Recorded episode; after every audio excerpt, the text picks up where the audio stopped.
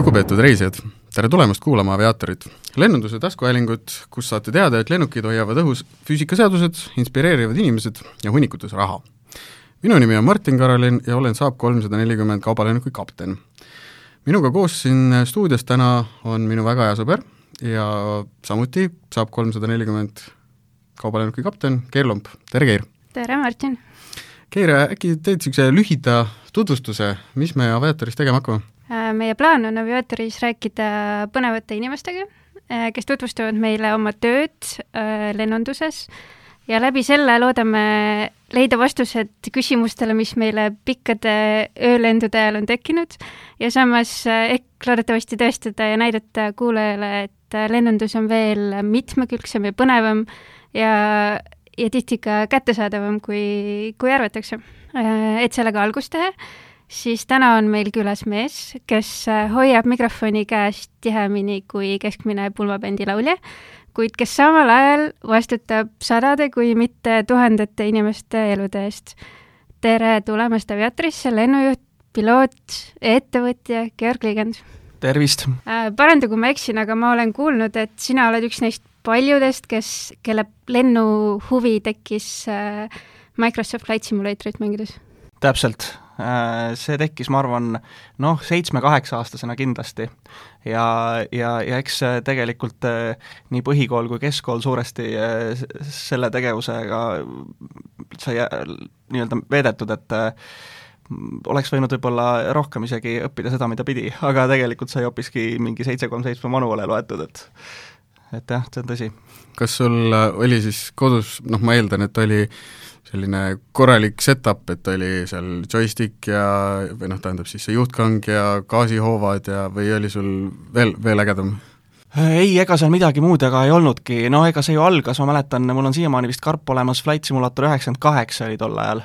Äh, ja, ja, ja siis noh, ega see oli üheksakümnendate lõpp, noh, ütleme, et ähm,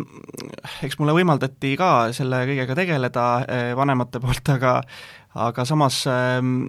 noh, ei saa nüüd öelda, et, et seda oleks nagu liiga lihtne olnud äh, tollel ajal äh, hankida mingisugust ma ei tea, mis varustust, et et eks seal oli mingi joystick ja, ja sellega asi piirdus, ega ja siis kõrvaklapid tekkisid siis, kui hakkas nagu asi juba sinna nagu online'i poole minema, eks ju, et et siis, kui hakkas juba selline äh, lennujuhtidega suhtlemine ja noh, niisugune põnevam osa sellest flight simindusest. kuna ma olen üks vähestest, kes pole vist äh, seda mängu mitte kunagi mänginud, ma okay. mõtlen vähestest lendusinimestest, siis, siis ma ei tea, kas neid tunde ka kuidagi logitakse või on sul nagu aimu, kui palju aega sa veetsid seda mängu mängides? Jaa, sellega on niimoodi, et ma ei tea, palju ma olen seda nagu offline'is teinud, Äh, sest et äh, noh, päris äh, ma ei tea, kaheksa-üheksa-aastasena päris online'is võib-olla seda ei, ei, ei toimetatud veel, aga ma tean seda, ma alles hiljuti vaatasin, selline võrk, eks ju, nagu Vatsim, mis võimaldab nagu seda lennujuhtide versus pilootide nagu keskkonda luua interneti vahendusel ja, ja see on, see on tegelikult väga äge koht. Äh, väga reaalseks aetud ähm, ja toim-, toimub tegevus äh, väga aktiivselt seal igapäevaselt. seal keskkonnas äh, mul on vist hetkel pea neli tuhat tundi või? et see on võib-olla noh, natukene hirmutav rohkem kui minul päris lennukis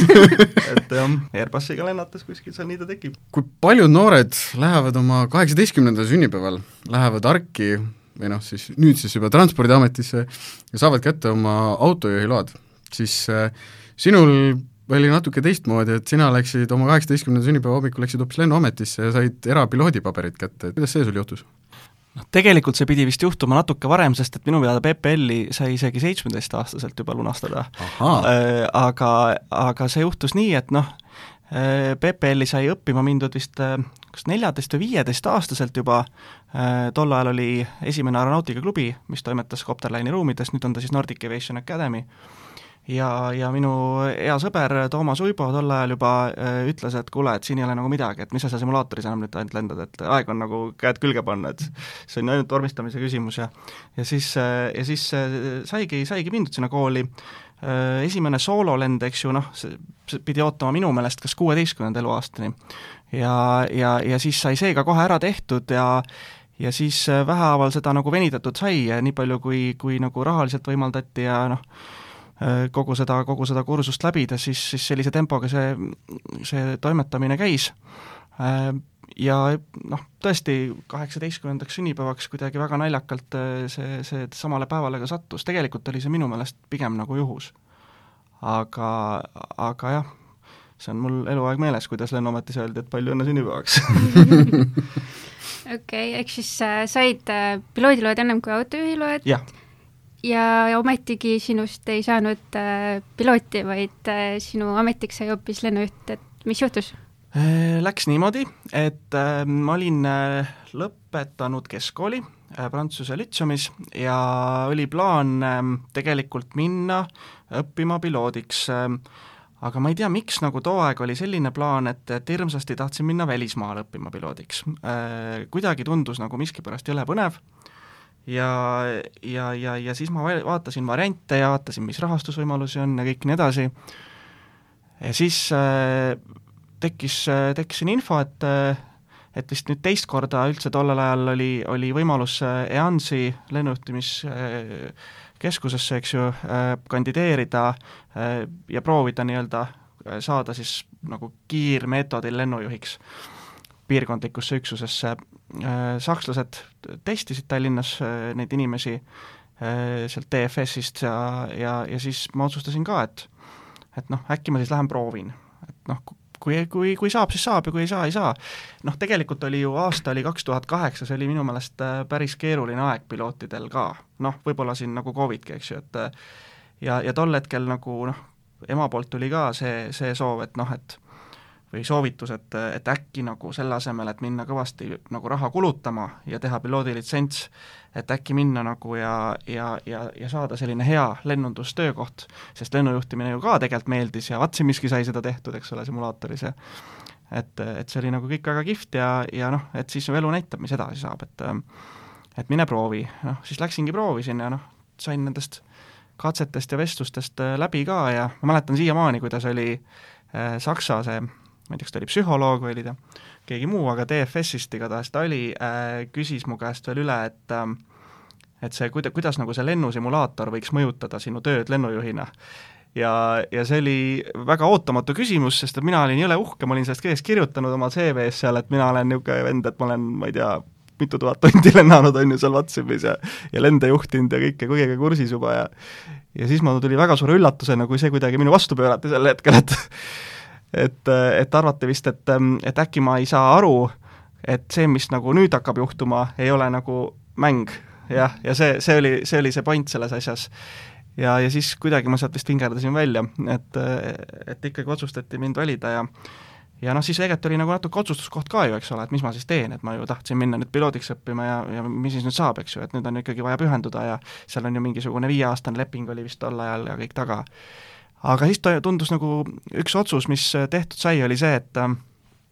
et lennujuhtimist iseseisvalt õppida on raskem. Ja see on tegelikult äge asi, mida elus teha. Ja, ja piloodiks saab tegelikult kõrvalt ka vähehaaval litsentse teha. siis ma mõtlesingi, et no okei okay,, ma siis lähen. ja, ja nii see otsus tuli sa ütlesid, et äh, siis sai kiirkorras lennujuhiks, mis see siis tähendab? no see tähendab ju seda, et, äh, et Tartu Lennuakadeemias, eks ole, on see ikkagi vist nelja-aastane protsess, on ju. Mhm. et äh, noh, mis, millest küll muidugi kõik ei ole lennujuhtimiskursus, aga, aga sa ei saa Tartu Lennuakadeemiast kiiremini läbi, eks ju. aga see tegelikult tähendas seda, et, et oli selline loodudki kiirkursus, mis tähendas minekut DFS-i akadeemiasse Langenisse Saksamaale ja, ja siis toimus selline seitsme, seitse kuud kestev õpe koha peal, teooria, äh, simulaator, teooria, simulaator, no niimoodi läks kogu aeg väga küllalt tihedalt. ja, ja siis äh, ülejäänud õpe toimus Eestis, siis juba selline Eesti õhuruumi õppimine äh,, Eesti reeglite õppimine ja, ja siis meie süsteemid juba ja töömeetodid ja kõik see, et ja siis loomulikult siis lennujuhid nagu lennujuhiks saamisel suur osa on see stažeerimisala, aeg, eks ju, et et see kestab ka tegelikult kusagil pool aastat kindlasti. et vähem-vähem, aga nagu seda ei, seda ei, seda ära ei tee. et ja siis ma olin veel assistent tornis ja piirkondlikus üksuses, too aeg oli piirkondlikus üksuses äh, oli niimoodi, et, et pidime, pidime tegelikult arvestusteateid andma Venemaale suunduvate lendude kohta käsitsi nii-öelda telefoni teel äh,, ei olnud mitte mingisugust elektroonilist andmeside ja samamoodi vastu võtma kõik lennud. ja mida rohkem see liiklusmaht kasvas, siis mida ta vist kaks tuhat kümme umbes tegema hakkas ka, eks ju, kaks tuhat üheksa, kaks tuhat kümme uuesti, vähehaaval niimoodi siis, äh, siis jah, seal oli neid telefonikõnesid tipptundidel ikka nagu noh, telefon oli punane sisuliselt. lennujuht ega planeerija seda teha ei jõudnud, selleks siis äh, loodi selline assistendi koht äh, ja mind siis paigutati sinna nii-öelda, et et siin on sul hea olla küll, et saad ko-, kogemust ja jälgida, mis mehed teevad ja ja siis tornis, tornis olin ma ka vist, ma ei mäleta, kas pool aastat või aasta, kuna ka seal oli päris tihe aeg, ja siis äh, siis ma nii-öelda, siis ma nii-öelda olin seal, toimetasin, ma ei tea, rääkisin maa raadio peal nii-öelda, et kuhu lubada mingeid puksiire ja mitte lubada ja ja, ja, ja siis võtsin igast äh, nii-öelda selle perrooni korraldaja neid kõnesid vastu ja kuulasin ära, mis tal rääkida on ja, ja siis, kui midagi öelda ei osanud, siis jälle küsisin, et kuule, mis ma ütlen ja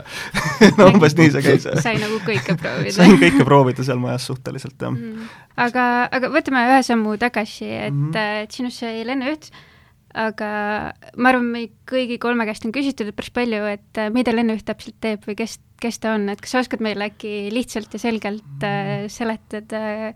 kes lennujuht on ja mis, mis ta mhm. tööülesanded on või mi-, mida ta teeb? Äh, lennujuht äh, iseenesest ju vastutab selle eest, et lennukid, eks ole, mis lendavad kontrollitud õhuruumis, oleksid hajutatud, see on nagu number üks. et, ähm, et me oleme sides kõikide lennukitega, mis on Eesti õhuruumis, ja, ja sidevahendiks, eks ole, on number üks raadioside ja number kaks tänapäeval ka datalink, CPDLC ja, ja siis, siis äh, me lihtsalt äh, laias laastus vaatame, et et nad saaksid ideaalis lennata seda, mis plaani, mis nad tahavad, äh, kui me saame aidata, siis me anname otsemarsruute ja, ja siis lihtsalt jälgime kogu aeg ja teeme vastavaid lükkeid, kui, kui tundub, et, et mingisugune lend satub teisele liiga lähedale, üks suur osa meie tööst on ka Helsingisse lendude järjestamine Intori punkti peale, eks ju.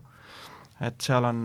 seal on ka ootetsoon ja, ja, ja nüüd alles hiljuti on nüüd liiklus jälle piisavalt tihedaks läinud, et tegelikult on seda Intori ootetsooni ka juba kasutatud siin viimasel nädalal minu teada. Ja, ja see tähendabki seda, et noh, lennukid tegelikult tulevad nagu karjana kokku sinna Intori peale, neid võib olla mingi seitse-kaheksa tükki vähemalt korraga isegi tipptunni ajal. Nad on täiesti samal ajal ja siis sa pead nagu hakkama vaatama, et noh, kaugelt natuke kiirusega, eks ole, reguleerima, siis äh, võib-olla kedagi natuke otse anda, natuke tuult arvestama, eks ju, et, et mis see, et võib-olla teed omale karuteene selle pöördega, on ju, et seal on niisugused nüansid ja, ja noh, see tekib selline, aastatega tekib kogemus, et, et võib-olla noore lennujuhina tundub see selline üsnagi stressirohke, ja, ja, ja just see, et võib-olla sa nagu natuke alguses ei julge või ei taha mingisuguseid käsklusi anda, eks ole, et noh, et äkki ma nagu peedistan kedagi liiga palju, noh, et, et äkki, äkki nagu keegi pahandab või või äkki mõni kolleeg vaatab, et ma nagu ei saa hakkama või teen liiga palju mingeid piiranguid. aga noh, siis aastatega vaatadki, et õpid, et, et tegelikult, tegelikult on võimalik seda küllaltki stressivabalt ka teha et aga kas siis kogemusega hakkad rohkem äh, direktiga andma, otse, äh, otse teid? jaa, äh, absoluutselt, selles mõttes nendega on niisugune lugu, et ähm, et tegelikult noh, tänapäeval ju, eks ole, neid nii palju enam tihti anda polegi vaja, kuna meil on free route airspace, eks ju. mis see tähendab? See tähendab seda, et, et kui muidu käis lendamine IFR-is noh, nii-öelda trasside peal, eks ju, noh, neid nimetatakse nagu inglise keeles airway'deks, tegelikult see on vale nimetus, tuleb USA-st minu teada, et tegelikult ei ole airway, tegelikult on ta nagu ATS route, ütles, ütles, et see on vale, vale sõnastus jah, et tegelikult noh, tol ajal käis niimoodi, et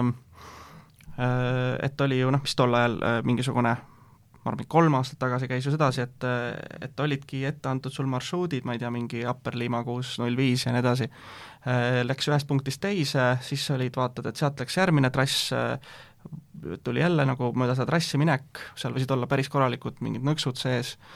äh, ja pöörded ja, ja kõik muu, äh, ja neid punkte ei olnud võib-olla nii palju, et, et lennud tegelikult lendasid üsna sinka-vonka ja, ja need trassid tegelikult põhjustasid ka niisuguse olukorra, et et noh, lennuk nagu kunstlikult toodi kokku ühte samasse kohta, eks ju. ja noh, tänu sellele on ka juhtunud ju maailmas õnnetusi, eks ju, et õhus kokkupõrkeid, et ähm, et noh, see Free Route Airspace ühest küljest ähm, võimaldab lennufirmadele seda, et, et on võimalik nagu failida lennuplaan äh, täpselt sealt punktist sinna, kuhu sa tahad. et noh, kuna me ju navigeerime, eks ole, noh, nii-öelda Great Circle'i põhimõte, eks ju, siis põhimõtteliselt kui sa võtad ma ei tea, Tallinn JFK, siis äh, ideaalis sa ju tahaksidki lennata direct JFK, eks ju, et et su navigatsioonivahendid ju, ju, ju võimaldavad äh, nii-öelda võim-, kõige otsemat teed sinna äh,. Aga, aga noh, päris nii lihtne see ei ole, et, et nüüd võib failida ükskõik kuhu direct äh, Ähm, see käib ikkagi sedasi, et, et noh, on mingisugused kohustuslikud punktid, mida on Eurokontroll ette andnud, see on kokku lepitud erinevate äh, õhuruumidega ja õhuruumi haldajatega, et, et noh, natukenegi seda lennuliiklust nagu kontrolli all hoida. Venemaaga on asi karmim ja osades riikides, äh, ka Venemaal, äh, on trassid veel alles. Et, et see, et see nagu vaikselt maailm liigub sinnapoole, aga see nõuab äh, häid lennujuhtimissüsteeme, teistsuguseid töövõtteid ja teistsugust silma lihtsalt sellele, et kuidas, äh,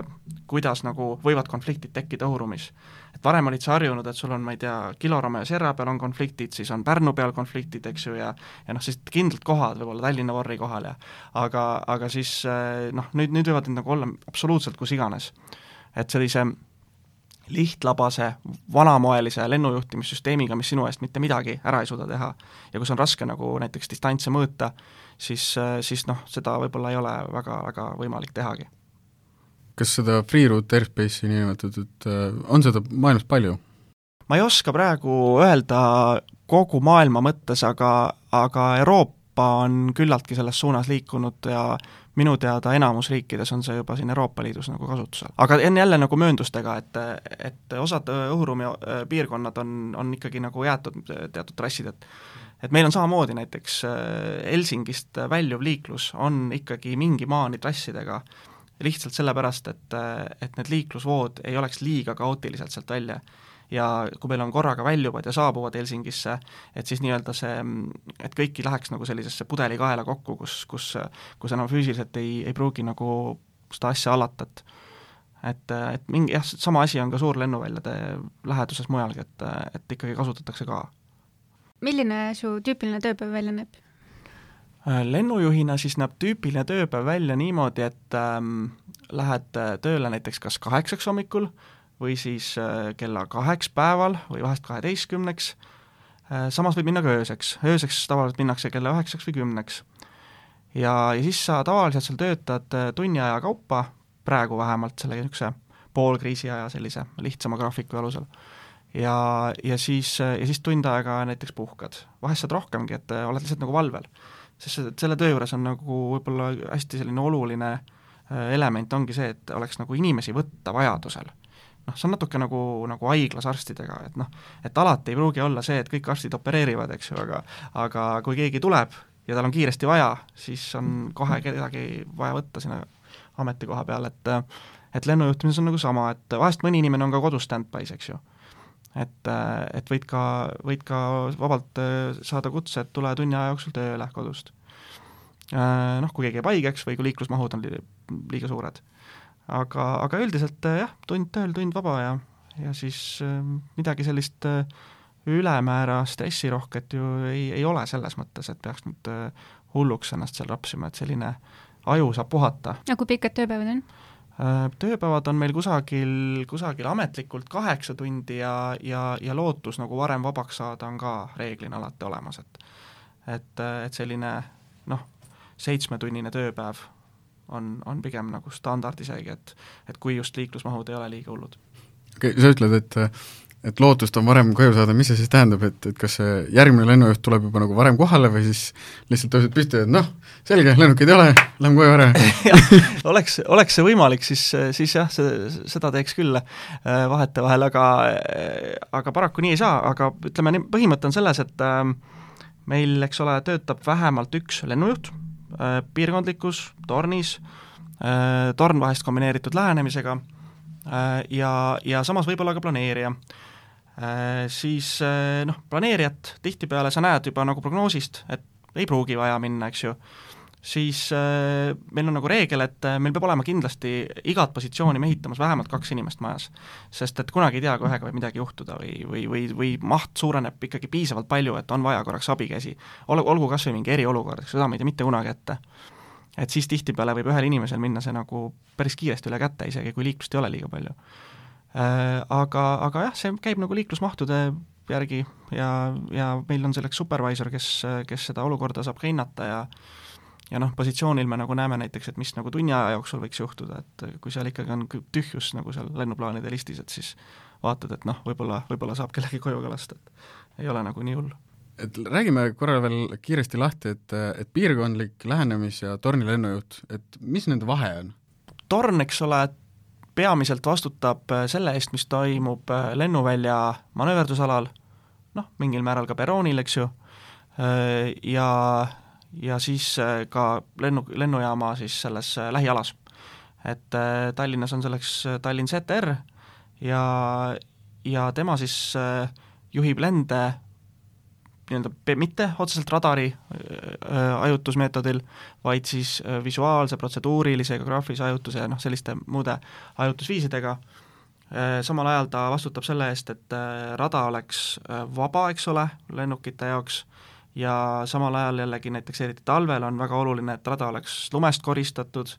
et seda kontrollitaks rajameistri poolt äh, ja, ja muru oleks niidetud, eks ole, tegelikult kõik niisugused pisikesed nüansid käivad läbi torni lennujuhi. et äh, tema peab nagu vaatama, ütlema näiteks muruniidutraktorile, et nüüd on sul viis minutit, nüüd on sul kaheksa minutit. ja, ja, ja samamoodi, kui näiteks on või väga raske näha visuaalselt välja, olgu selleks mingi udune ilm või või, või, või tihe lumesadu, eks ju, et, et siis vahest on niimoodi, et tornis ei näe mitte midagi välja, see on täiesti nagu, sa oled, sa ei saa aru, et sa üldse kõrgelgi oled. et, et sellises olukorras noh, on tänapäeval selleks maaradar, eks ju, mis, mis võimaldab võimaldab siis ka tegelikult nagu maapealset liiklust radaripildi järgi ka juhtida ja, ja veenduda selles, et et näiteks rada on tõesti vaba. et teame ju kõik neid juhtumeid maailmast, Euroopast, linnates ja nii edasi, kus, kus on väga, väga rasked õnnetused juhtunud, et maaradar ei ole toiminud ja kõik nii edasi noh, siis rääkides nüüd äh, lähenemisüksusest ehk siis approach'ist, ehm, tema peamine ülesanne on äh, vastutada selle eest, et äh, eelkõige siis Tallinna lennujaama saabuv ja sealt väljuv liiklus, selline vahetult saabuv ja vahetult väljuv liiklus oleks hajutatud ja, ja tema siis nii-öelda vektoreerib või siis äh, nii-öelda IFR saabumisprotseduuride järgi siis mingite otsemarsruutidega või kiirustega siis hajutab see saabuvat liiklust, et et sellisest äh, kaootilisest saabumisvoost tekiks mingisugune äh, loogiline jada ja, ja et need lennukid nagu jõuaksid maanduda ja raja vabastada ja siis ja siis, äh, ja siis jällegi nagu järgmised peale tulla. Äh, ja noh, loomulikult Tallinna lähenemine vastutab ka Ämari liikluse samamoodi lennuvälja vahetu läheduse eest saabuvate ja väljuvate eest. Ehm, Ämaris on ka oma torniüksus, eks ole, eh, kes vastutab Ämari lähiala eest, aga ja lennuväljal toimuva eest, aga jah, Tallinna, Tallinna siis nii-öelda approach'i üksus tegeleb siis nii Ämari kui Tallinnaga. Ehm, ja siis piirkondlik eh, on alates lennutasandist üheksa viis, üheksa pool tuhat jalga, ehm, nii-öelda eh, vastutab siis kuni, kuni lennutasandini kuus kuus null, selle eest, et, äh, et oleks, äh, et oleks liiklus hajutatud siis kogu selles põhilises Eesti, Eesti riigi kohal olevas õhuruumis. Ja, ja samamoodi tegeleb siis see piirkondliku üksus ka Helsingisse liikluse järjestamisega, Helsingist väljuvatega ja noh, ei ole nagu enam nagu olnud võimatu, et, et me ka natuke järjestame liiklust Peterburgi või siis Riiga et mida rohkem nagu need mahud suurenevad. et, et töö olemus noh, võib-olla pi-, piirkondlik ja, ja lähenemine äh, eks approach on nagu selle koha pealt sarnased, et, et mõlemad siis juba töötavad radari põhjal. et seal nagu enam mingisugust sellist äh, stripiklotsidega mängimist ja, ja, ja, ja sellist äh, kellaaegadega arvestamist ilma radarita nagu ei kasutata, noh, Tallinnas vähemalt. sa mainisid siin, et on, äh, on see piirkondlik, siis on lähenemislennujuht, tornilennujuht, et et kas seal on nagu niisugune nagu vahe ka, et kas mõni positsioon on nagu ihatum või või, või kuidas seda üldse valitakse, et, et mille peale sa või missuguse ala peale sa lähed? on vist mingisugune arvamus, ma ei tea, kas maailmas või, või, või, või Euroopas, et umbes, et tornist nagu alustatakse ja siis minnakse nagu, nagu õhuruumis kõrgemale. aga see vist, see on kuskilt nagu legend, mis, mis ei, mis ei vasta tõele, et võib-olla see nagu tundub, et noh, õhuruum läheb nagu kõrgemale, et siis on nagu seal nagu keegi, kes on nagu kogenum või ma ei tea, kust see alguse on saanud, aga ei, tegelikult nii ei ole, et et minu teada nagu valikuvarianti on vähesed saanud, et kuhu üksusesse sa tahad saada. aga eks see on ikka selle põhjal, et noh, mida nagu ettevõttel tarvis on et vahest on vaja tööjõudu torni ja vahest on vaja piirkondlikkusse, et noh, meil on nagu see vahe, eks ju, et torn ja approach tegelevad ju enamasti, ütleme, nende töö maht sõltub nagu üsna otseselt Tallinna lennujaama liikluskoormusest. aga piirkondliku töömaht sõltub äh, pigem vähe Tallinna lennujaama töökoormusest ja pigem rohkem siis äh, Helsingi lennuvälja, eks ole, Riia, äh, Peterburi isegi ja, ja ikkagi kõige enam just ülelendudest. et, et kui, kui ütleme, Hiinast, üldse Aasia poolt äh, lende toimub nagu rohkem Euroopasse ja, ja Euroopast sinnapoole, et, et siis on tegelikult nagu, see on nagu see meie see leib ja, ja meie see põhitöö, et et kõik muu siis on nagu vaja kuidagi nendest ülevalt või alt saada nagu mööda ja ja, ja, ja siis, ja siis ütleme ka loomulikult Helsingi on väga olulisel kohal. Aga kas see on võimalik, et kõigil kolmel positsioonil äh, võid töötada või kui tihti vahetatakse? jaa, on, meil on mõni üksik inimene veel jäänud, kellel on kõik kolm pädevust, aga mingil hetkel äh, hakati Ansis seda, seda teemat natukene nagu äh, muutma, et selle koha pealt, et äh, et lihtsalt ei ole, ei ole mõtet hoida kolme pädevust ühel inimesel, see teeb juba raskeks nende hoidmise ja, ja samal ajal teeb see raskeks ka inimesel nagu nende kõikide positsioonide nüansside nagu meelespidamine ja meelespidamise, eks ju, ja samamoodi ka, ka nagu noh, mingisuguse sellise töökogemuse saamise üldse või kuidas öelda, et, et kui sa ikkagi näiteks oled töötanud seal tornis võib-olla, ma ei tea, kaheksateist päeva, on ju, kuust, ja siis pannakse sulle kuus üks päev näiteks piirkondlikku, sest piirkondlikkus noh, ei ole nii palju vaja näiteks inimesi sel kuul, siis paratamatult su nagu oskused sellel piirkondlikul positsioonil näiteks noh, kannatavad, sest noh, sa ei, sa, sa oled küll võib-olla ohutu oma tegevuses, muidu sa ei saaks seal töötada, eks ju, ja sa ei saaks oma nii-öelda ka neid äh, teste läbi, aga, aga samas äh, noh, sa ei ole lihtsalt nii kiire selles töös ja see on hästi tihti nagu oluline. sa korra juba mainisid äh, järgmist teemat, aga ma et asju selgeks teha, küsin sult äh, või palun sul kummutada või kinnitada müüti, mis on ilmselt kõige levinum müüt äh, lennujuhtide kohta ja see on, et äh, lennujuhi töö on maailma kõige stressirohkem mm,. mina ise sii-, nii päris ei arva ähm, samas ma ei ole töötanud, ma ei tea, JFK tornis või kuskil sellises kohas, on ju, et need inimesed võib-olla oskavad midagi muud väita. Ähm, on olnud raskeid aegu äh, Eesti õhuruumis ka, kui süsteem oli vanem, äh, kui inimesi oli vähem, kui lende tuli järjest juurde, iseendal oli näiteks minul kogemust palju vähem kui praegu, et äh, siis, siis oli küll stressirohkeid aegu. Ma, ma samas ütlen jällegi, et see ei ole minu meelest kindlasti selline tänapäeval nagu rohkem stressi tekitavam amet kui võib-olla mõne äh, mõne, ma ei tea, suurettevõtte juhtimine või, või, või, või mis muu vastutav koht. et äh, ma arvan, et ta on nagu lennukikapten selle koha pealt, et sa oled vastutav mingisuguse olukorra eest, kui kõik jookseb sujuvalt, siis on ju kõik tore, saab omavahel juttu ka ajada, eks ju, teinekord läheb olukord kiireks, võib tekkida mingi eriolukord, et siis, siis me saame stressi piisavalt, et seda eluaeg mäletada ja pärast kuskil eluloo raamatus kindlasti kirjutada, eks ju, et noh, selliseid olukordi on olnud kindlasti nii pilootidel kui lennujuhtidel, et minul, minul kaasa arvatud mm,. aga kas sa mõnikord äh, ekraani vaadates mõtled, et iga täpp on tegelikult lennuk, kus on sajad inimesed sees või pigem ei? vahest nagu vahest nagu nalja pärast mõtled et, et, et, et oh, et päris äge. aga tead, tegelikult see ei ole päris nii, sa, kui sa ikkagi seda tööd teed, siis äh, jah, loomulikult sa tead seda kuskil taga äh, ajusopis, et, et, et sa vastutad päris lennukite eest, loomulikult sa ei, sa ei saagi seda nagu muidu teha, aga, aga kui sa seda tööd teed, noh, see on selline, see on selline nagu arvutimäng, mida kaotada ei tohi nagu. Toimetad ekraanil, sa jälgid, mis ekraanil toimub lihtsalt ja, ja sa, sa nagu mängid sellist strateegiamängu, äh, mis, mis, mis peab nagu alati mingisuguse toimiva lahendusega lõppema, et et see on selline, selline võib-olla vaade sellesse asjasse. Meie pilootidena muidu peame iga poole aasta tagant käima simulaatoris oma, oma oskusi demonstreerimas ja et me oskame hädaolukordades neid lahendada ja, ja iga aasta tehakse kontrolle, et kas lennujuhtidel on midagi sarnast või? Äh, jaa, ikka, et meil on ka oma simulaatorisaal, kus, kus ka äh, lennujuhid äh, harjutavad erinevaid olukordi, vahest ka lihtsalt suuremaid liiklusmahte, näiteks kui siin Covidi ajal, eks ole, liiklusmahud ju vähenesid, siis on meil ikkagi võimaldatud harjutusi, kus on võimalik koos kolleegidega noh, lihtsalt oma võimeid natuke proovida ja instruktorid saavad siis suunata või pärast äh, nii-öelda sessiooni mainida mingisuguseid probleemikohti äh,. Ja, ja siis on ka tehtud eriolukorra koolitusi, ütleme nii iga aasta-kahe tagant kindlasti äh,, kus võib-olla tuleb kohale mõni välismaine instruktor mõnest lennu, nii-öelda lennujuhtimisakadeemiast äh,, et, et oleks lihtsalt sellist natuke teistsugust vaat-, vaadet, äh, kui meil siin Tallinnas kohapeal on, ja, ja minu teada on tehtud ka lähenemisel, approach'il on tehtud nagu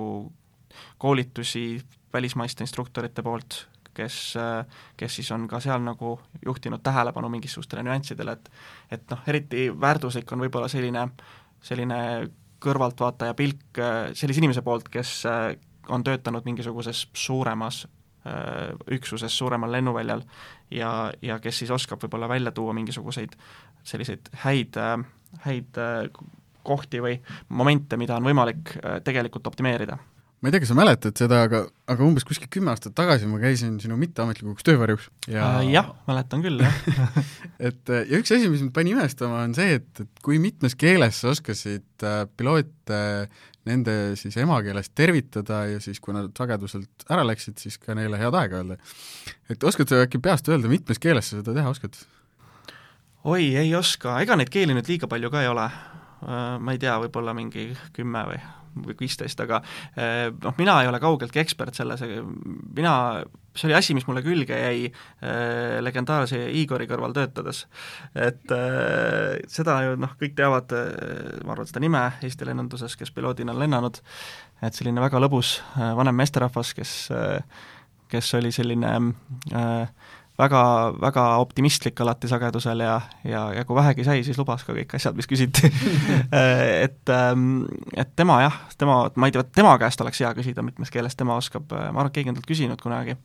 neid on mitukümmend, neid keeli kohe kindlasti, aga, aga jah, mina noh, mis ma seal põhi, põhiklientidele ikka, hiinlastele ja jaapanlastele ja soomlastele ja rootslastele ja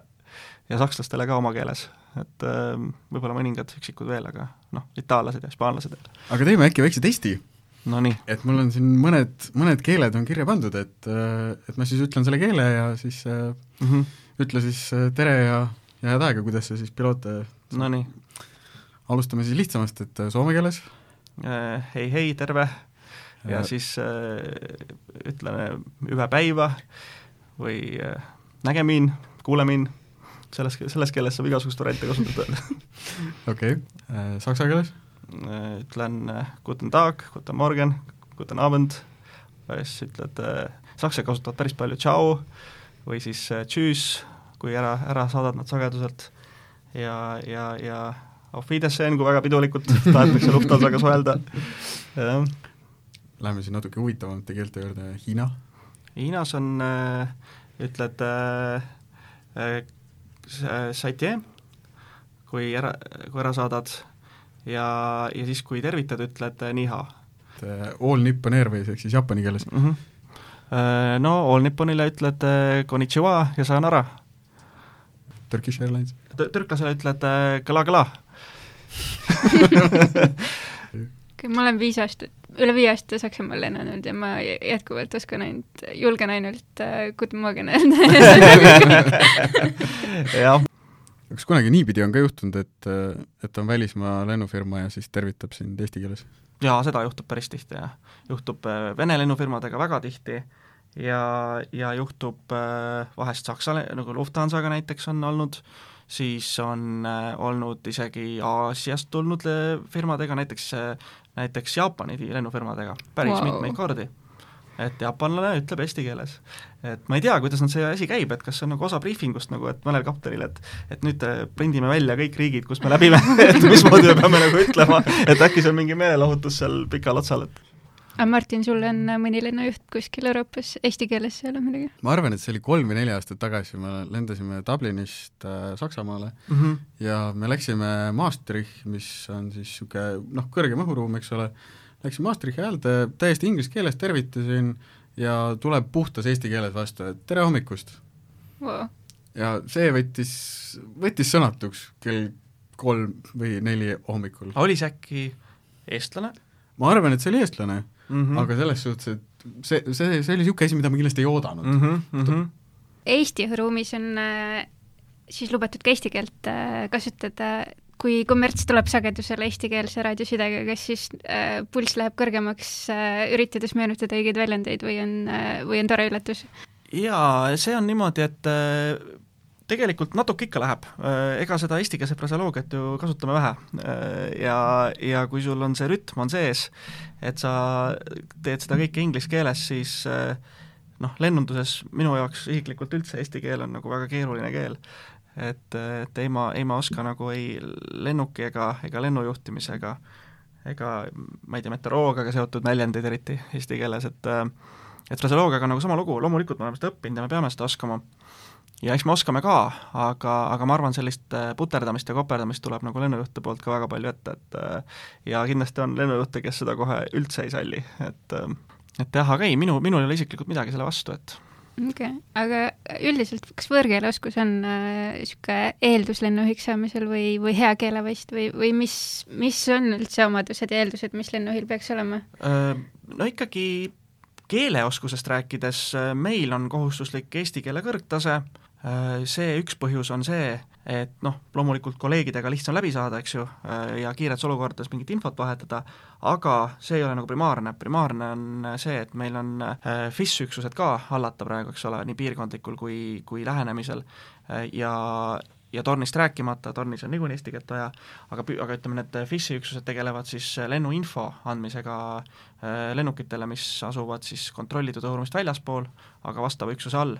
et seal on väga palju VFR-liiklust ja ka lendab piloote, kellel ei olegi inglise keele oskust. et see on nagu igas riigis, et Saksamaal on väga palju saksa keelt sellistes üksustes ja ja Eestis, Eestis on seda eesti keelt ka, et äh, et selles suhtes keelega on jah, eesti ja inglise äh, ega muud otseselt enam vaja ei ole, vanasti vene keelest oli veel natuke abi, kui oli see telefonidel koordineerimine ja, ja Venemaal ei olnud neid äh, inglise keele häid oskajaid just väga palju, aga nüüd on nagu seal ka olukord oluliselt paranenud ja, ja ma ütleksin, et, ähm, et eesti-inglise on täiesti, täiesti ideaalne, rohkem, rohkem vaja ei ole keeltest. nüüd äh, muudest oskustest äh, selline äh, loogiline mõtlemine kindlasti, aga ma ei oskagi öelda, kas see on nii väga loogiline mõtlemine, pigem on selline olukorra taju, kolmemõõtmelise õhuruumis toimuva olukorra nagu hindamine ja, ja just selline keskendumisvõime, et sa, et sa suudad öö, keskenduda olukorrale pidevalt, eks ju, mitte, mitte nii-öelda võib-olla ainult veerand tundi järjest, et tähelepanu ei tohi ära ajuda ja samamoodi on see, et kui olukord läheb ärevamaks,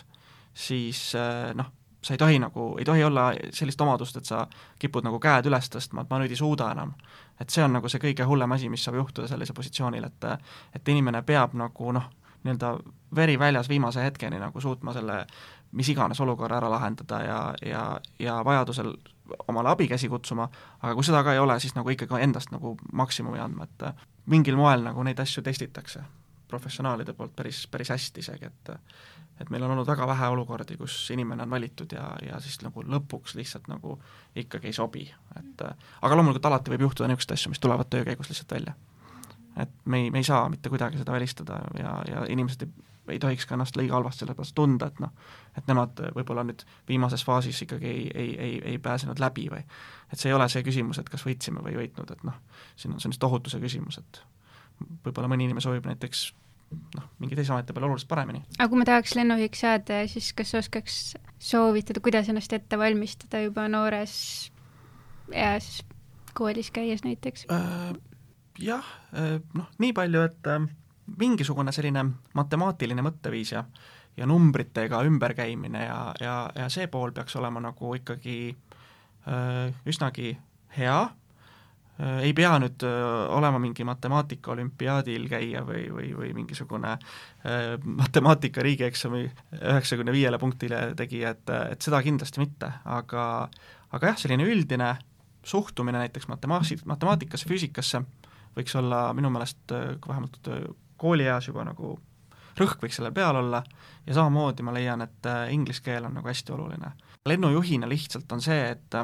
et mida nagu kehvemini sa ennast inglise keeles tunned, seda vähem sa suudad nagu seda infot ikkagi kiiresti edastada. ja sa võid hakata puterdama ja sa võid hakata nagu noh, sa, sa ei oska nagu frase, frase, fraseoloogias seda sõnadesse panna, mida on vaja öelda mingisuguses, mitte normaalolukorras, vaid just pigem mingisuguses natukene eriolukorras või või kui midagi küsitakse, on mingisugune meil on niisugust olukorda ikka, kus ma ei tea, mõni reisijal on näiteks, ma ei tea, terviserike et äh, Finnair üritab sulle selgeks teha midagi ja, ja, ja nendel endalgi on kiire, eks ju, nendel endalgi võib-olla ei ole kõige lihtsam selgeks teha. et kui, kui sa nagu ka sellel hetkel oled nagu selline inglise keeles mitte just väga, väga, väga nagu sina peal, et siis siis võib see olukord nagu päris stressirohkeks minna. et keelele peab kindlasti rõhku panema. ja see on ju tänapäeval tegelikult oluline, et kui isegi lennujuhiks ei saa, siis, siis tänu heale inglise keele oskusele on võimalik saada ükskõik kuhu mujale ka, et lennunduses või mujal. sa hakkasid äh, hiljuti jälle rohkem lendama ja siis te ostsite kamba peale kohe eralennuki, et äh, kui keeruline see protsess on, kas see on nagu tavalise inimese jaoks nagu niisugune, niisugune sinilinnu püüdmine või on see niisugune teostatav unistus ka tavalisel palgatöölisel näiteks? Äh, meiega oli nagu selline lugu, et, ähm, et me ostsime kamba peale nagu firmasse lennuki, mis äh, mis ei ole nagu kõige odavam, et ähm, meil on sellega seotud ka äriprojekt ja, ja, ja ma ütleksin, et äh, ega nüüd äh, lennuki pidamine nüüd praegu sellisest vähesest kogemusest, mis mul on, odav lõbu küll ei ole äh,. Ameerikas on ta mõistlikum äh,, tänu tutvustele, kellel on Ameerika riigist lennukid, ma võin öelda, et seal on see palju lihtsam ka, aga ma leian, et Eestis äh, lennuki pidamine ja üldse Euroopas on päris kulukas lõbu. et ähm, et kindlasti on see võimalik, ma, ma ütleksin niimoodi, et äh, näiteks ähm, ma ei tea, ultralaidi või mingisuguse vanema Cessna ostmine omale lõbulendudeks, tegelikult äh, võib-olla selle koha pealt inimesed äh, isegi arvavad, et see on natuke kallim, kui ta tegelikult on. et mida lihtsam see masin on, noh seda, seda soodsam ja seda mõistlikum on teda tegelikult üleval pidada. aga ega, ega siin midagi väga odavat ju ei ole. no mis selle kalliks teeb? Kalliks teeb, teeb selle lennuki pidamise minu meelest ikkagi peamiselt see, et on tohutult palju igasuguseid äh, nüansse, mida tuleb igal hooldusel vaadata, äh, töötunde läheb palju mehaanikutel ja, ja just nimelt sõltuvalt erinevast mudelist, eks ju, noh, meie Piper Malibu puhul on, on seal neid igasuguseid pisidetaile ja nüansse, mida peab kontrollima nagu tõesti meeletult, et et kindlasti Cessna saja seitsmekümne kahega ei ole võimalik võrrelda. mida rohkem neid nüansse on, seda seda rohkem lihtsalt seda tundi kulub ja, ja seda rohkem on ka igast pudinaid, mida peab vahest vahetama, eks ju. ja, ja nende pudinate hinnad on, on vahest päris kolossaalsed, et et kindlasti ületavad sellise kalli luksusauto ülalpidamise, ma arvan, et on sul mingi niisugune markantsem näide näiteks, mida te olete pidanud vahetama, mis, mis on nagu meeletu hinnaga? Ma võin öelda, et et ei ole mitte odav näiteks kolbmootoril magneetode lahtivõtmine ja kokkupanek ja ja siis kapp remontimine ja niisugune töö. Samamoodi näiteks, kui on vaja kontrollida ma ei tea, propellerit või on vaja kontrollida mingisuguseid näiteks meil oli, meil on, meil lennukil on üks selline kuidas öelda, natuke nõrgem koht läbi, läbi ajaloo, äh, on mootoriraam, et äh, ta on niisugune alumiiniumtorudest raam, iseenesest väga lihtne asi, et ma arvan, et Eestis iga keevitussepp oskaks seda parandada või, või isegi teha, aga selle detaili lihtsalt kontrollimine mingisuguste seadmetega, et ega seal mõrasid ei ole, et see noh, võib maksta seal noh, päris korralikult, et äh, sellise keskmise, keskmise sõiduauto nagu kallima hoolduse, ma arvan et, äh, et ja, ja kui see, kui see, kui avastatakse seal mõra, noh, siis on palju õnne, eks ju. et äh, siis on, siis on see raam jälle mingisugune tuhandetes eurodes ja, ja, ja siis on, siis on selle vahetus loomulikult mootor maha, kõik asjad pilla-palla lahti, jälle kõik tagasi noh, meeletu töömaht, tunni, tunnid lihtsalt, mehaanikute tunnid on nagu tohutus, tohutus mahus. aga lisaks rahale palju on vaja mingeid spetsiifilisi teadmisi, et, et sa üldse teaksid, et sul on vaja neid dokumente ja sul on vaja neid äh, kontrolle teha ja, ja nii edasi, et äh, kui ma tulen täiesti tänavalt ja ei tea lennundusest äh, liiga palju, siis millest ma üldse alustan, kuidas ma üldse tean, mida mul vaja on? lisaks lennuki füüsilisele ostmisele ja lisaks rahale? Lisaks lennuki ostmisele on, on vaja tegelikult, noh, kõige olulisem, eks ole, juba lennuki valimisel on see, et noh, mis see missioon on, kaugele sa tahad lennata, mitmekesi sa tahad lennata. lennukid on nii erinevad, et noh, me kõik ju lennundusinimestena teame, et ega lennuki äh, ostmine ei ole ju niimoodi, et me ostame kuuekohalise lennuki ja siis me paneme kuuekesi ringi mööda maailma sellega nagu kuus tundi järjest, et see päris nii ei käi. et äh, kaalupiirangud on, raskuskeskme piirangud on äh, kõik sellised asjad, et ähm, et, et ikkagi jah, lennuk, kui on isegi see lennuk välja vaadatud, siis, siis enne see lennuki ostu tuleks kindlasti nagu vaadata üle, palju maksab lennuki kindlustus, väga olulisel kohal. Äh, nii palju, kui ma olen suhelnud lennuki kindlustusfirmadega Euroopas äh, meie projekti raames, siis kindlustused noh, esiteks hinnad varieeruvad päris palju ja väga palju on kindlustused hakanud loobuma selliste high performance eralennukite kindlustamisest, lihtsalt sellepärast, et tuleb järjest rohkem inimesi, kes teevad omale PPL-i ja siis näevad natuke vaeva, saavad oma kakssada tundi ja siis teevad omale IR-i ja, ja, ja siis ostavad omale mingisuguse äh, ma ei tea, näiteks DBM-i või, või Piper Meridiani turbopropi või mingisuguse niisuguse masina või või sellise Piper Malibu nagu meil kolbmootoriga ja siis, ja siis hakkavad kütma ja siis unustatakse telik sisse, maandutakse ilma selle noh, alla laskmata ja ja siis need kahjud on nii meeletult suured, mis pärast välja nõutakse, et need kindlustusfirmasid on väidetavalt pankrotti läinud päris palju Euroopas selle pärast. et, et sellepärast nagu meile öeldi päris mitmest ära. et öeldi, et me üldse ei võta jutulegi et sellest peab alati valmis olema, et ma soovitan kindlustustega enne lennuki ostu kindlasti alustada läbirääkimisi. ja just tuginedes ka oma kogemusele, et kui sa oled ametpiloot, kellel on tuhandeid tunde ja, ja, ja, ja just äh, IR-id, CPL-id, kõik asjad olemas, et siis, siis vast ei ole nii väga muretseda. aga just väga palju sõltub see, et kes on see piloodi nimi, kes sinna peale läheb ja, ja mis kogemus temal on. Ja siis lennukist juba endast ka, et mis, mis on tema nagu ajalugu, noh sa hiljuti äh, taotlesid endale ka kommertspiloodi litsentsi, kas see on ka tulevikuplaanidega seotud või, või kavatsete ainult enda lõbuks lennata? Äh, tegelikult äh, seda ma olen, noh, alustada võib sellest, et ma olen tegelikult seda ju eluaeg tahtnud. PPL on mul ammu juba olemas olnud, aga see sa-, noh, see mõte sai nagu sealt alguse, et enne üldse, kui me hakkasime mingisugustki lennukit tankima või mingisugust äriprojekti looma, Äh, ma otsustasin, et ma tahaks rohkem lennata, ma tahaks lennata kellegi teise raha eest, äh, et äh, see on nagu väga oluline, eks ole, kui sa oled palgatööline, ja, ja siis ma tahaksin lennata võib-olla natuke suuremate lennukitega ja, ja, ja siis instrumentaal-lennureeglite järgi ja ühtlasi tahaks nagu lihtsalt targemaks saada, et ametpiloodi kursus on ikkagi midagi muud kui erapiloodi kursus ja ja ka isegi midagi oluliselt muud kui lennujuhi teooria kursus, ega midagi salata ei saa, et on, mahud on päris erinevad. et, et lihtsalt piloodil on ju lennuki pardal neid igasuguseid ilmastikust tulenevaid ohte ja, ja, ja, ja muidki, muidki nüansse nagu palju rohkem, mida peab lihtsalt teadma ja jälgima, et et, et sellepärast jah, otsustasin ühel hetkel, et, et ma panen ennast Inglismaale lennukooli kirja ja ja hakkan omale ATPL-i teooriat selgeks tegema. ja siis nüüd, nüüd olen nii kaugel, et, et kuu aja pärast lähen esimestele eksamitele. närv on sees juba või? on mis esimesed eksamid on? Ehm, meteoroloogia, üldnavigatsioon, instrumentatsioon ja siis äh, inimfaktor. suht kõige raskemad vist? jah, nad on paigutatud sinna Inglise lennukooli nii-öelda õppekavasse vist ka selle järgi, et et kui, kui nendest nagu ka läbi ei saa, et siis võib-olla noh, siis, siis ei ole nagu mõtet noh, et paneme nad kohe algusesse ära, et võib-olla, võib-olla ülejäänutega saad hakkama veel, aga kui, kui, kui need asjad nagu jäävad nagu vajaka, et siis, siis, siis ei ole ka nagu kasu, kui, kui alles lõpus see asi kõik välja tuleb, et okei okay,, me hoiame pöidlat. aitäh et sa tegeled lennuliiklusteeninduses droonindusega ka, mis, mis sa täpselt teed ja kuidas, kuidas sellega läheb?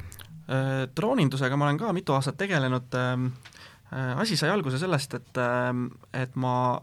olen ka lennu, lennundust väga palju nagu filminud ja noh, tegelenud, mul niisugune hobi on olnud eluaeg, et mulle meeldib nagu filmindus ja video tegemine ja ja siis ma, siis ma ka nagu sellega seonduvalt muidugi tegelesin mingil määral droonidega, et noh, filmisin droonidega. ja siis, ja siis noh, tuligi nagu see pakkumine töö juurest, et et kas ma äkki olen huvitatud, et noh, nagu on peale tulemas selline noh, droonide nagu võidukäik Eestis ja mujal Euroopas ja maailmas, et et siis äh, oleks vaja nagu hakata midagi nagu välja töötama, kuidas seda teha siin Eestis ja ja mis süsteeme on selleks vaja, mis protseduur on vaja ja, ja ja nii edasi. ja siis ma noh, olin muidugi nõus, et, et tundus ju põnev, eks ole, ja, ja siis ma olen selle asjaga tegelenud äh, juba, juba mitu aastat äh, ja ma olen, olen nii-öelda siis noh, võiks öelda võib-olla konsulteerinud Transpordiametit, Äh, nii-öelda lennujuhtimisosakonna vaatenurga alt, et äh, mismoodi meie lennujuhtidena näeksime, et droonid lendaksid ja noh, olen tuginenud nagu selles töös ka paljuski oma drooni lendamiskogemusele, et sest on ikkagi palju kasu olnud. Äh, ja siis, ja siis noh, samamoodi igasugused uued süsteemid, mis on vaja hankida selleks, et neid droone nagu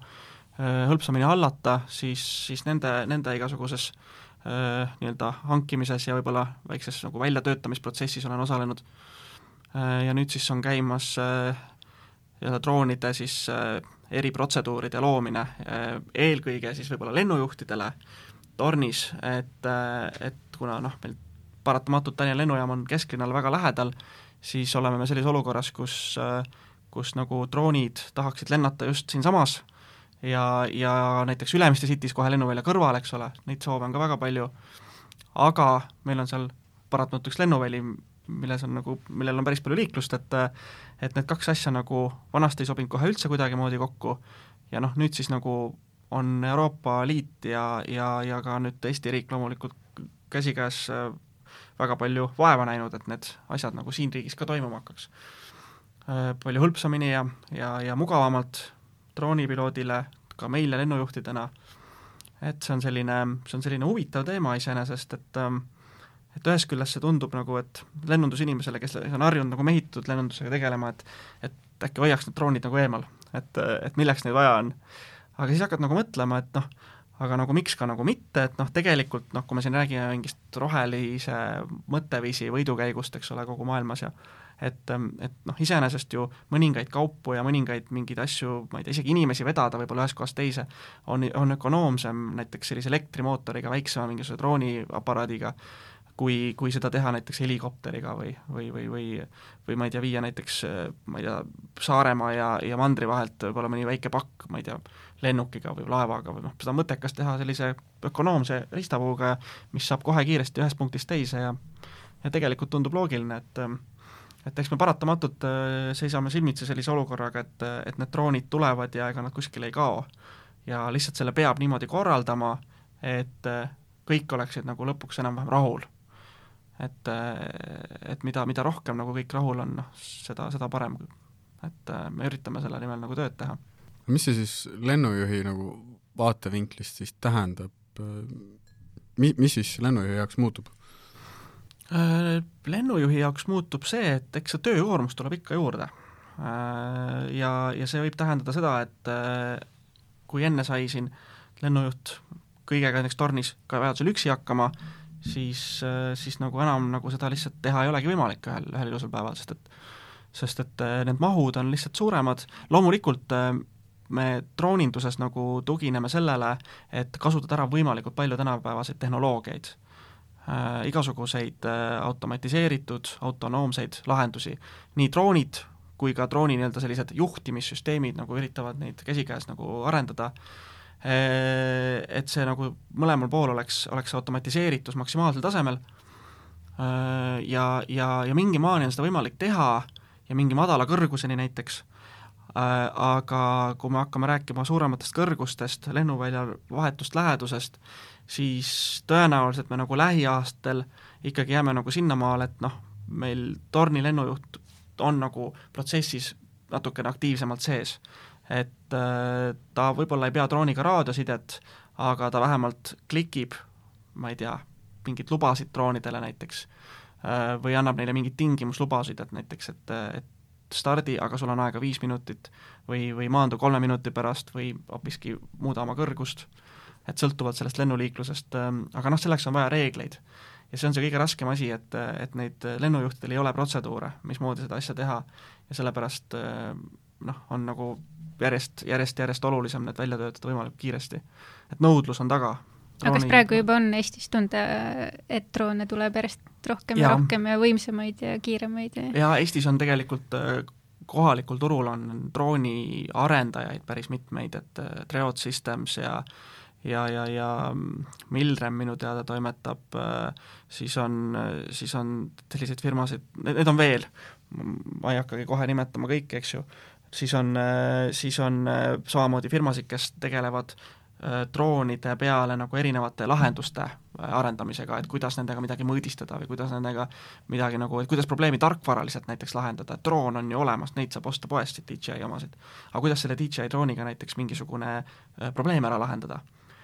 kas päästjatele või, või mingitele mõõdistajatele või sellistele. et, äh, et selliseid firmasid on nagu küll ja veel ja neid tuleb, nagu mulle tundub, juurde. ja kui väga nad on huvitatud teiega koostöö tegemisest ja lahenduste leidmisest? Äh, väga huvitatud on tegelikult, et praegu on käimas niisugune projekt KOF kaks punkt null, Gulf of Finland järgi nagu nime saanud, et et tegemist on siis sellise tegelikult üle-euroopalise nagu projektiga, see on selline nagu uuriv Äh, tehnoloogiaprojekt, võiks öelda, kus, äh, kus me siis nagu proovime, proovime nagu läbi mängida erinevaid olukordi, et seal on nagu ühelt poolt on siis nagu sellised äh, huvigrupid nagu, nagu droonifirmad, võib-olla tootjad, samas ka nendega opereerijad, eks ju, et nemad siis nagu toovad kohale oma know-how ja, ja siis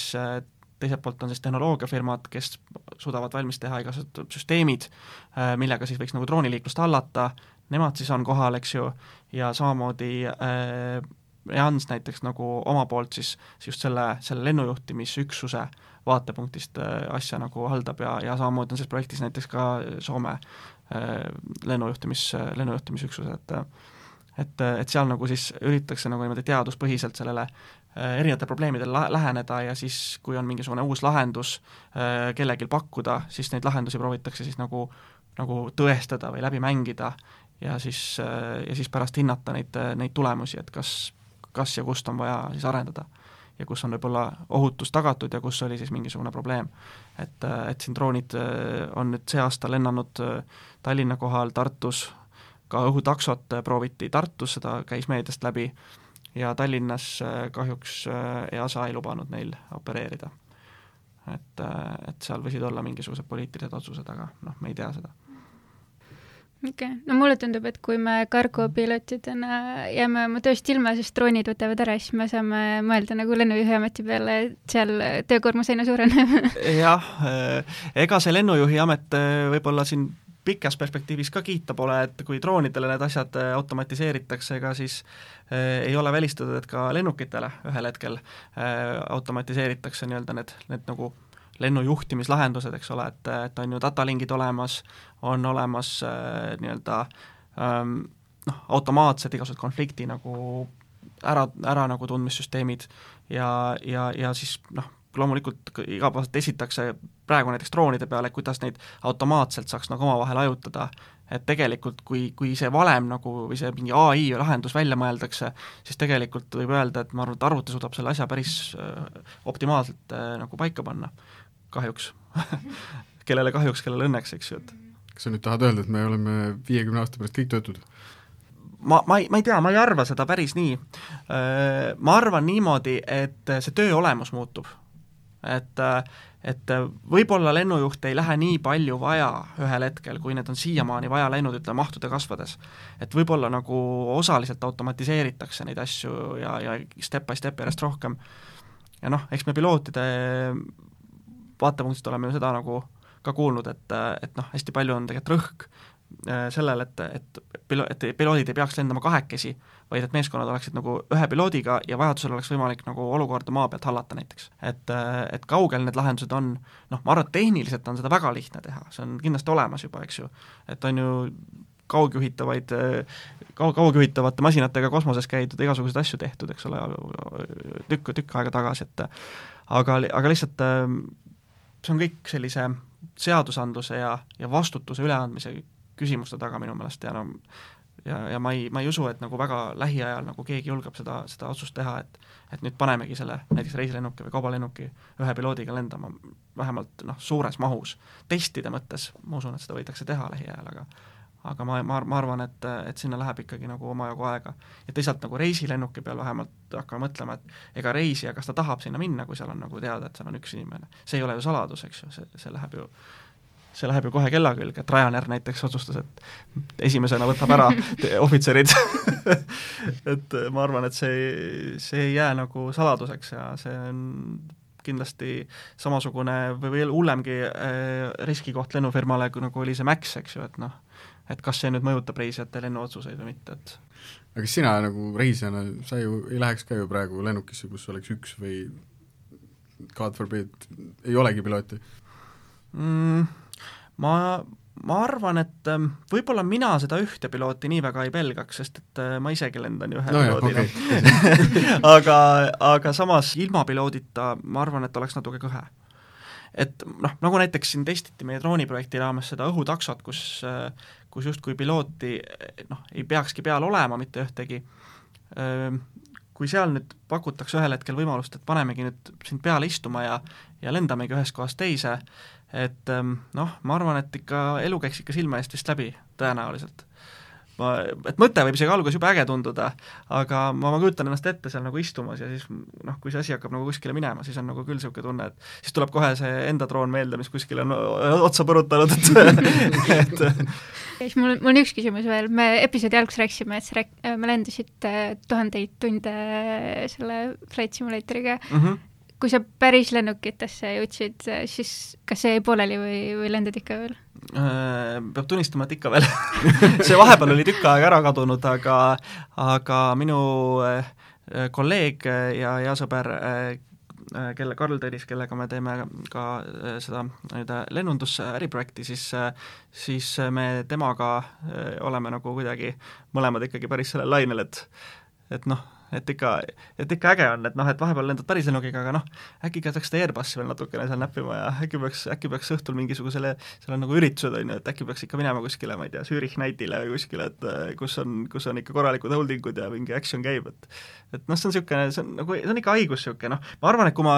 kui ma lendaksin nüüd tõesti neid tuhandeid tunde päris Airbusiga, on ju, nagu elukutsena, et siis ma tõenäoliselt ikkagi äh, noh, jätaksin selle nagu natuke kõrvale, et et näiteks lennujuhtimisega ma nüüd küll ei tegele seal. Aga on erandeid, meil on töö juures äh, üks lennujuht kohe kindlasti, kes äh, kodus põhitöö kõrvalt juhib lende ka sealsamas Fatsimis lennujuht simulaatorkeskkonnas ja ja seal on ka lennujuhte selliseid, kes on tegelikult piloodid, üks Air Balticu piloot peaks olema ja, ja siis ma ei mäleta, kuskilt oli veel. tegelikult on see nagu päris äge, et on uskumatu, kuhu see tehnoloogia on ikka arenenud, et et kui siin vaadata kas või seda uut Flight Sim kaks tuhat kahtekümmet, eks ju, ja, ja kuhu see nagu on oma väljatulemise hetkest kas või aastaga arenenud veel edasi ja, ja mis, mis juba nagu mis lennukeid tehakse, on ju, ja mis, kui, kui detailidesse ja, ja minu arust on hästi kihvt see, et noh, et tänapäeval nagu maailm liigub, eks ole, selle, nagu selle rohepöörde äh, poole kogu aeg, et lennukid ja kõik asjad peavad hästi ökonoomsed olema ja ja noh, hästi uued ja mis on kõik tore, eks ju, tehnoloogiliselt, aga samas ähm, nagu sul ei ole nagu võimalik enam nagu näppida või nagu mingisugust näiteks vana mingit Boeing seitse neli seitse kahtesadat või mingisugust, või rääkimata Concordist näiteks. aga, aga kui sul on seal simulaatoris see Concorde või see Boeing nagu üks-ühele tehtud, on ju, niimoodi, et kõik, ma ei tea, voolu tarbimised on ka nagu üksipulgi paika aetud, siis noh, see on niisugune noh, ikka päris äge küll, on ju, et tahaks nagu seda Concorde'i ju proovida, aga palju meil maailmas inimesi oli, kellel see võimalus üldse oli, eks ju, piloodina seda proovida, et noh, et kui sulle tuuakse see koju kätte ja, ja, ja see ei maksa ka nagu päris ulmelist summat, et siis tegelikult noh, kui aega on seda näppida, siis minu meelest on see kihvt hobi. jaa, ei, selles suhtes ma olen nõus, et ma tegelikult ma tahaks seda kõige uuemat Flight Simulatorit tahaks proovida, aga mul ei ole veel kahjuks avanenud äh, selleks võimalust. no vot, siis varsti avaneb minu juures. Davai, teeme nii. äkki ma peaks ka proovima siis? või siis jääma endale kindlaks ja olema see üks ja ainus, kes ei ole seda kunagi mänginud? ei, see tasub proovimist, see tasub proovimist see võib, seal oht on sõltuvust tekitada endale sellest. ma usun. kuule, aga selge, aitäh sulle, Georg, et sa täna meile külla tulid, meil oli väga tore, Keir sind tutvustades siis tõi paralleeli, et, et hoiab mikrofoni käes sama tihti kui keskmine pulmabendilaulja, et kas sulle kui lennujuhile võib siis, võib sama soovida, mida lauljad tegid, et okas kurku? või on teil äkki mingi oma mingisugune väljend? Ega ei ole, sellist kajakat proppi meil ei ole. ei ole, jah? ei ole, jah. aga seda peab ka ütlema, et mikrofonid korjati meil ära, sest et esiteks on see Covidi ajal ohtlik, kui igaüks sinnasamasse mikrofonisse räägib ja teiseks ühel hetkel äh, meil osakonnas otsustati, et äh, kõrvaklapid on natuke parem töövahend, et me oleme nagu edasi liikunud. aga jah, pool minu tööajast on kindlasti möödunud mikrofoni käes hoides selge, täname, et meiega täna lendasite ja ootame teid tagasi pardale